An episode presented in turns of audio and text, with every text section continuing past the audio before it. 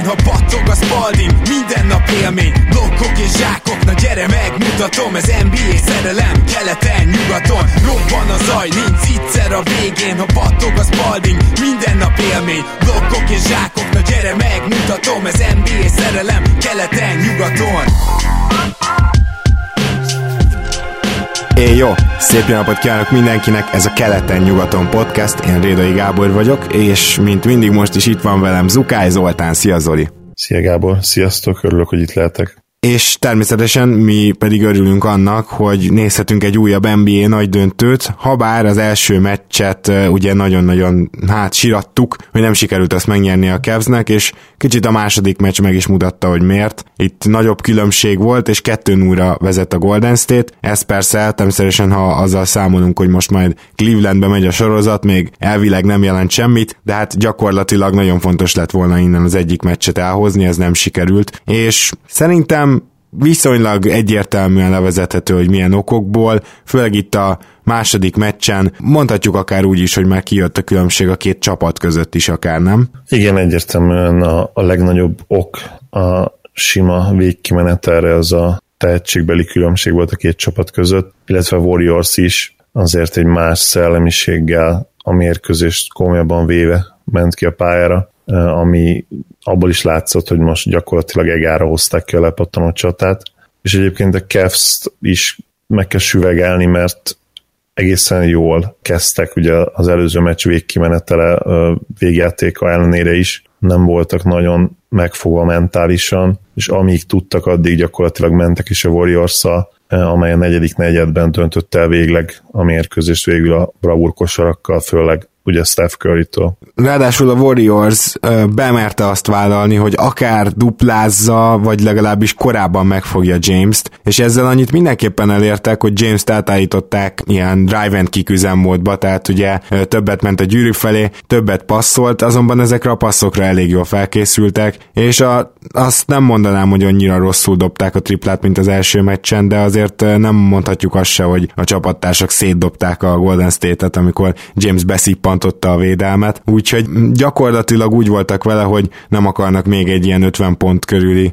James performance-t, és összesen 20 rádobása volt azt hiszem ez sok mindent elmond. Egyáltalán, amit ma említettél, a lepattanózás is kicsit konzervatívabb védekezésre állt, állt át a Warriors, nem mentek rá annyira a labdaszerzésekre, mint szoktak, nagyon próbálták biztosítani a palánkokat, főleg ugye a saját palánkjukat. Tisztán Thompsonnak így is volt három támadó lepattanója, de ez ennyi benne van. És összességében kör szinte minden olyan dologra reagált, amiben jobb volt a Cleveland az első meccsen. Ez pedig azt eredményezte, hogy hát hát gyakorlatilag Lou elég eszköztelenül átsorgott már a második meccsen a pályán kívül.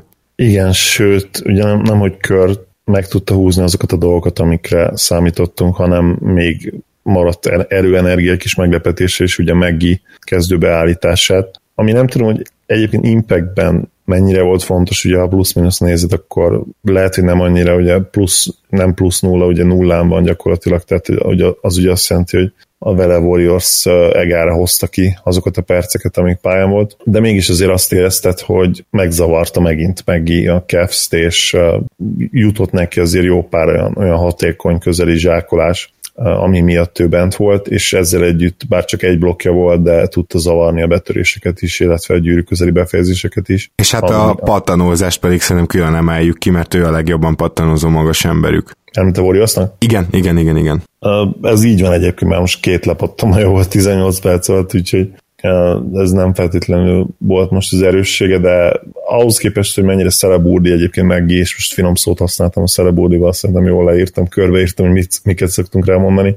Ahhoz képest egész fegyelmezetten tud időnként játszani, és kizárni az ellenfelet a palánk alól, illetve még így a passzjáték is azt mondom, hogy nem annyira szörnyű ahhoz képest, hogy úgy egyébként milyen alacsony a kosárlabda iq Egyébként érdekes az is védekezésben, hogy annak mentén, hogy ki hogy védi a gyűrűt, és ki hogy védekezik periméteren, gyakorlatilag mind a három magas ember Westen kívül, aki szóba jön, mert ugye West már kezd egy picit lassú lenni itt a döntőhöz, de a másik három teljesen három más, hogy is mondjam, csak kvalitást csillogtat, tehát végig lehet menni, hogy ugye Jordan Bell a leggyengébben védi a gyűrűt hármójuk közül, de a legjobb perimétervédő, Maggie Ford fordítva ő védi talán legjobban a gyűrűt hármajuk közül, de a leggyengébb perimétervédő, és az arany középút az pedig Luni. És, és én, én éppen ezért azt gondolom, hogy, hogy itt uh, Luninak kell legtöbbet játszania, és azért is, mert Bell egyelőre nem valami jó lepattanózó. Luni, tehát nem azt mondom, hogy Tristan Thompsonnal igazán össze tud csapni, de legalább azért tudja zavarni, és, és akkor az még mindig jobb. Tehát belbe az a probléma, hogy a feje fölül le fogják húzni a lepattanót. Gyakorlatilag ő egy picit még vékony ehhez. Úgyhogy én, én Lunit játszatnám nagyon sokat a Warriors helyében, ha már a három közül kell választani. Én is egyetlenül őt játszottam, őt tartom jelen pillanatban a legjobb játékosuknak arra a posztra, de legalábbis a legfegyelmezettebbnek amikor belnek nagyon megy, akkor lehet, hogy statisztikailag uh, többet tud tenni a warriors de... Mert tehetségesebb támadásban Bell, az biztos, csak hát ugye ez nem minden, főleg azon a poszton. Egyik ők sem túl tehetséges támadásban, tehát lehet, hogy Bell tehetségesebb valami, mint Looney támadásban, de ugye őt se ezért tartják. Bizony. Annyi mondjuk mindenképpen igaz, hogy talán legjobban passzoló játékos Bell, és ha, ha ezt nézed, akkor talán ő a legjobb fit hogyha Green helyén gondolkodunk, amikor épp ő nincs a pályán. Looney talán akkor nem annyira jó, de védekezésben szerintem összességében a legjobb Looney. Igen. A pozíciós játéka neki a legtöbb, és a neki a legjobb, és ő tud legtöbbször olyan szituációba kerülni, hogy, hogy zavarja az ellenfelet faltolás nélkül. Ő az, aki a legfegyelmezettebben fel tud menni egyenesen, ugye vertikálisan, Úgyhogy én is, én is őt játszottam egyetemen, de egyébként tökéletesen el van így a Warriors, hogy mind a három most megkapja kicsit a lehetőséget, és hát az igazság, hogy nincs probléma, mert ugye a Cavs-nek nincs olyan magas ember, aki ezt igazán meg tudná büntetni. Love ellen Bell is jó meccsap, Looney is egészen jó meccsap védekezésben, Meggi talán nem annyira, de ha nem csak az emlékezetem, a második fél időben már nem is ő fogta, ugye amikor Love elkezdte dobálni a triplákat, igen. Úgyhogy ez tökéletesen elég ez a, ez a magas ember rotáció jelen pillanatban warriors és az, az az érdekes, hogy amikor szükség lesz talán már jobb játékosokra, addigra lehet, hogy pont Bell és, és Looney ténylegesen jobb játékosokká is válnak. De ugye itt nyilván az utóbbinak kérdéses, hogy meg tudják-e tartani. Igen, az nagyon érdekes. Egyébként ezt múltkor nem mondtam, csak ugye említettem, hogy nem hívták le az opcióját, ami durva, és ez nem azt jelenti, hogy akkor kedvükre adhatnak neki egy text player mid-level hanem ugyanannyit adhatnak, mint amit amúgy adhattak volna. Gyakorlatilag amit kapott volna a negyedik évében, a Warriors csak annyival kezdődő fizetést adhat most neki, tehát újra visszaadhatja a negyedik évét, hogyha ez így érthető. Viszont, hogyha valaki meg úgy gondolja, hogy mondjuk egy 5 milliót ad neki, azt nem tudja meccselni a Warriors a szabályok szerint, úgyhogy ez igencsak érdekes lesz majd nyáron. Na de nézzük meg azt is, hogy a mm, második meccsen mi az, ami Clevelandben változott. Ugye szerintem olyan nagyon sok minden nem, nem volt olyan nagy extra, amivel Louis készültek. Nem vagyok róla meggyőződve, hogy most a Warriors védekezése, vagy Jamesnek a szeme, tehát hogy ugye probléma volt a szemével, indította jobban James-t inkább a gyűrű felé, de ott is hagyottám ki zicsert, most nem akarom őt ekézni, természetesen így is egy nagyon nagy meccset hozott, csak azon gondolkoztam, hogyha ez stratégia is volt esetleg a Cleveland részéről, és nem csak James döntött úgy, hogy jó, akkor most szorosabban fognak, akkor elindulok befelé, ugye értelemszerű. Szóval, hogyha ez stratégia is volt, akkor igazán nem jött be, de mégsem azt gondolom, hogy ezen ment el így ez a meccs, hanem inkább Curry nagyon jó dobó formáján, és a Clevelandnek a védekezése úgy gondolom, hogy nem ütötte meg az első meccs szintjét, max úgy a második negyedben, bocsánat, harmadik negyedben, de nem, egy kicsit összeestek védekezésben is úgy gondolom, és, és főleg ez volt az, ami egyértelművé tette ezt a meccset, hogy összeestek védekezésben, és még Curry is abszolút elkapta a fonalat, és ugye rekordot döntött, még akkor is, hogyha például Pándi Gergő azt mondta, hogy szerint az első volt a jobb Curry meccs, és ebbe valahol egyet tudok érteni, meg értem, hogy miért mondja, de igen, egy ilyen Curry ellen, hát nagyon jó védők kellenek, és nagyon, nagyon kint el kell kezdeni őt fogni. Szerintem mind a kettő mérkőzés nagyon jó volt curry de abban egyetértek, hogy az első jobb volt. Ott all around teljesítményben mindenképpen jobb volt, egy picivel legalább, és a dobóforma egyébként meg ott is nagyon jó, jó volt, és most is, úgyhogy emiatt tényleg nem életi szóház elejét végre tényleg úgy játszik döntőben, ahogy, ahogy azt olyan régóta elvárjuk tőle, és én azt gondolom, hogy nagyon közel van most már a Finals MVP címhez. LeBron-tól tényleg kellene még legalább egy 45 és lehet, hogy még egy 50 pontos meccs, és abban az esetben lehet, hogy megkapná akár egy 0-4-nél is, de, de hát nehéz, nehézkes lesz, mert tényleg Curry is nagyon-nagyon jól játszik, tehát ő is MVP szinten játszik, meg LeBron is MVP szinten itt a második meccsen, az első meccsen nyilván abszolút ilyen legendás szinten volt, ugye MJ-nek voltak hasonló döntő meccsei, Igen. de hát nem fog azért mindig úgy egyszerű LeBron, és még ha benne is lenne még egy vagy két olyan meccs, nincs rá garancia tényleg, hogy egy 0-4-nél egyszerűen oda lehet adni, és megkockáztatom egyébként, hogy valószínűleg, hogyha 0-4 lenne a párat cégedmény, akkor LeBron nem is akarná valószínűleg megkapni a Finals MVP címet, bár lehet, hogy egyébként ebben tévedek. Benne van a pakliban, ezt magam sem tudom, de abba biztos vagyok, hogy amit Clevelandben hogy is mondjam, csak máshogy kell csinálni a Cavsnek, az az, hogy az, azt nem mondhatják, hogy a Warriors meccsei az ő agresszivitásukat, energiájukat, mert most meccselte, miközben az első meccsen nem. Tehát az első meccsen úgy gondolom, hogy a Cleveland volt az 50-50-es labdáknak inkább a nyertese, agresszívabbak voltak. Nyilván hazai közönség előtt ezt valahol el is várja az ember, mint ahogy most is elvárta a Warriors-tól, hogy azért ebben összeszedjék magukat. De a másik dolog, amit lehet, hogy megpróbálnék, mert én teljesen bevallom őszintén ki vagyok fogyva az ötletekbe, hogy, hogy mit változtathatna még Lu, az az, hogy kicsit jobban alkalmazkodni a Warriors line Gondolok itt arra, hogy azokba a percekbe, amikor mondjuk ül Draymond Green, meg esetleg Durant, ők szoktak azért együtt nem a parketten lenni, akkor rászabadítani egy ilyen tripladobó hát line gyakorlatilag a Warriorsra, és meg kellene próbálni egy kicsit olyan időszakokat is teremteni, amikor 3-4 triplával ilyen 10 0 ranokat, 10 0 körüli, körüli ranokat tud csinálni a, a Cavs, és ezt nem lehet megcsinálni a kezdő ellen, mert arra nincsenek meg a two játékosaid, viszont muszáj lenne őket minél, minél jobban használni, és ezt egyébként eddig is megtehették volna, csak Clarkson igencsak meggátolja, ugyanis ő egyáltalán nem passzol. Tehát amíg Clarkson a pályán van, addig teljesen fölösleges, hogy gyenge védők pályán legyenek, még mellette, mert azok a gyenge védők hiába mondjuk jó tripladobók, mint Corver, nem fogják megkapni a labdát. És hogyha ez így van, akkor ez teljesen fölösleges így együtt pályán tartani. Éppen ezért én komolyan elgondolkoznék azon, hogy Clarkson helyett még akár Calderont is előbb és szívesebben. Az, hogy 10 0 ranokra van szüksége a Cavsnek, az mindenképpen egy jó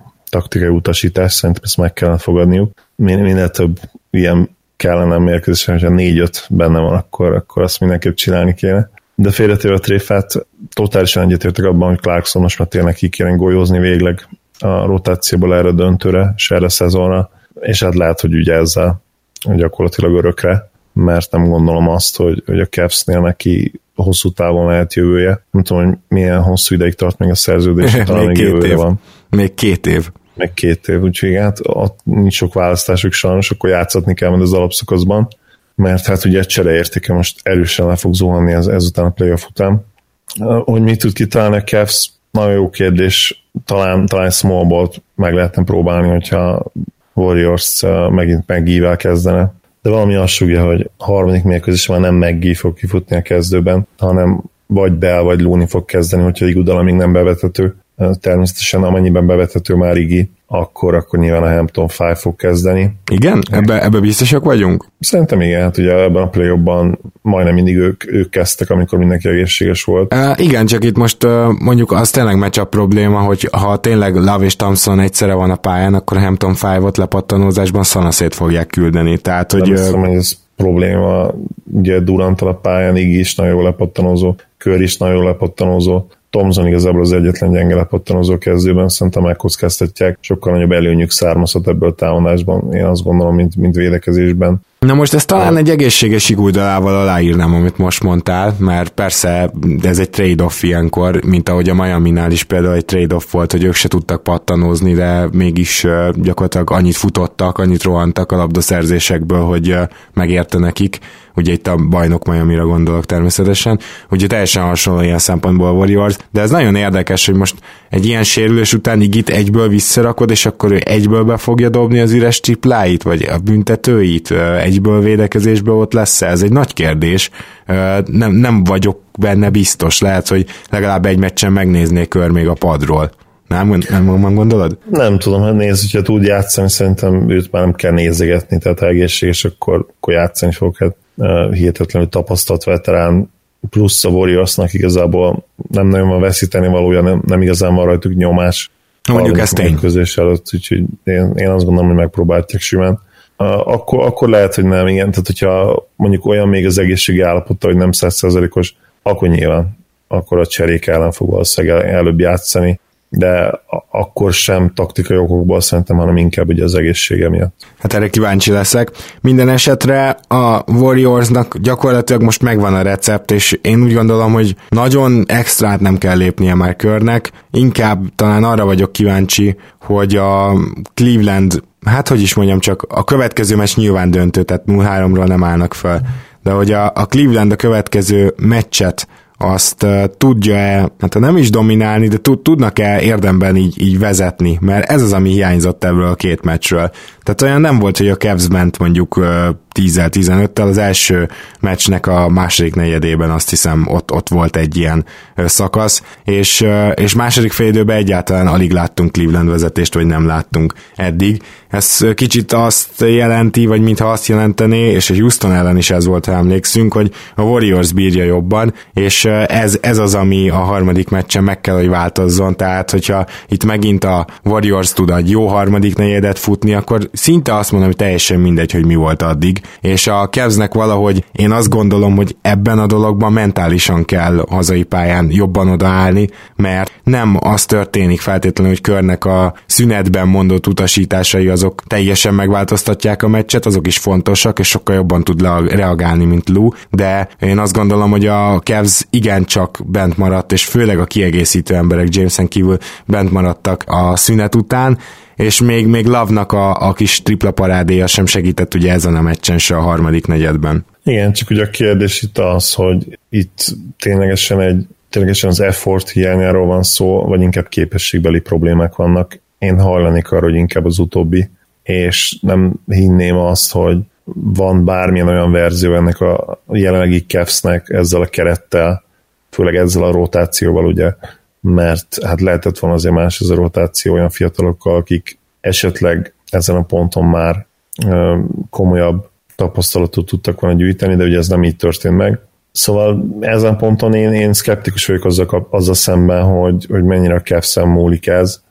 Kijöhetnek ők maximális efforttal is, és nyilván segíteni is őket ez, de hogyha Warriors ugyanezt megteszi, és már most a második meccsen látottakhoz hasonlóan, mert egyébként az első meccsen náluk a koncentráció azért eléggé hiányzott valljuk be, hogyha inkább a második meccsre fog ezt hajazni az ő harmadik mérkőzésük, vagy akár még egy picit rá tudnak tenni a lapáttal, akkor szerintem nagyjából mindegy, hogy mit csinál a Cavs. Eset, esetleg egy LeBron 70 pontos meccs, 70 pontos, 18 lepattanós, 10 asszisztos meccs, vagy valamilyen egészen őrült Ilyen videójáték, igen, igen, igen. Igen, max-max ez lehet az esélyük. Hát akkor nagyon nem tudtunk biztatni itt most a Cleveland drukkereket, és hát igen, most uh, sajnos ez a realitás mi az, amit itt egyébként a döntőtől még vársz? És most nem is vetetlen eredményre gondolok, hanem Szerinted mit kaphatunk ettől a döntőtől? Mert én úgy érzem, hogy mind a ketten így hajlunk a felé, hogy innen söprés lesz, és hogyha ez így van, akkor gyakorlatilag olyan semmi extrát nem kaptunk, vagy, vagy inkább azt, hogy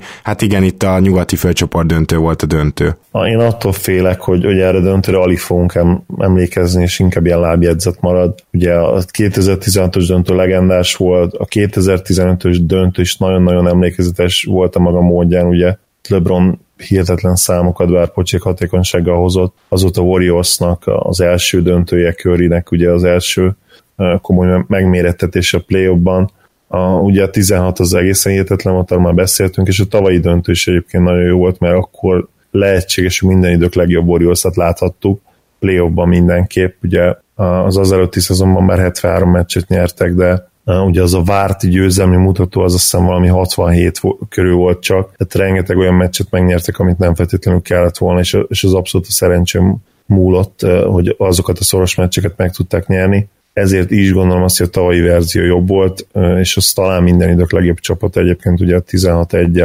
abszolválták a playoffot. Viszont az idején meg egy lényegesen gyengébb Cavs, és egy szerintem, és sokak szerint, ha nem is lényegesen, de tavalyhoz képest gyengébb Warriors egy olyan párharcot hozhatna le, amire sem az eredmény, sem egyebek miatt nem nagyon tudunk emlékezni, esetleg LeBron 50 pontos meccse miatt talán ez az első mérkőzésen nem igaz, de hát nehéz elképzelni, hogy sok hasonló van még a tankban ezen a ponton. Hát elmondtad, amit én is szerettem volna, úgyhogy én erre a kérdésre külön nem is válaszolok. Akkor viszont, ha már én most nem leszek szerdától vasárnapig, de ezért kaptok egy podcastet, hogyha minden jól megy. Viszont azt azért mondjuk el, hogy szombaton van egy olyan esemény, amire nagyon szívesen invitálnánk titeket. Ez a mezvásár szervezésében egy gyakorlatilag egy mezvásár, és azért is mondogatjuk ezt nektek, mert egyrészt nagyon kedves ismerőseink Dani Lajosék azok, akik szervezik ezt, és mi tudjuk, hogy mekkora munkát és szakértelmet raknak bele. Az ellátóházban 13 órától válogathattok több száz MBMS közül,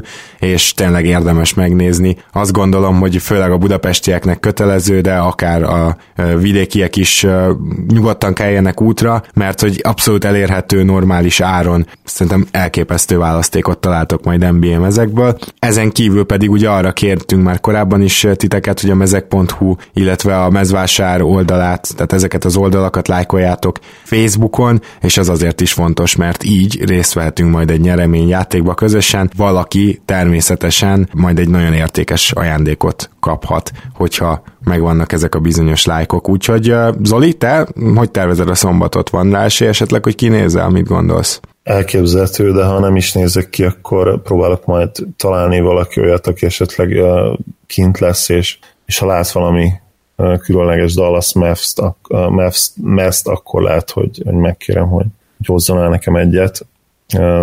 Meglátjuk, hogy milyen darabok lesznek kint jó lenne eljutni, hogyha nem sikerül, akkor is mondom, valakit mindenképpen fog szervezni, úgyhogy ha lesznek önként jelentkezők, akkor ne hamozzatok írni. És hát ugye ígértünk ugyan élőzést, de sajnos nem jött össze csütörtökön és vasárnap különböző okok miatt. Itt nyilván azért nekünk is van életünk itt a podcasten és a közvetítésen kívül, és a Gedei Tibieknek is, Mándi Gergőnek is. Most ma itt itt se hagyjam ki, szóval a szokásos közvetítő crew az most pont nem tudott így összeállni, viszont drukkoljatok, hogy legyen mondjuk ötödik meccs, ne Isten hatodik, mert akkor, akkor van rá esély, én most majd vasárnap jövök haza, addig el leszek, tehát addig biztosan nem lesz élőzés, illetve hát ha mégis, akkor Zoli, Zoliék összehozzák nélkülem, az még egy opció, reméljük az sikerülhet, és mi pedig majd jelentkezünk, mondom ezen a héten csütörtök magasságába kaptok egy podcastet, amit már rögzítettünk,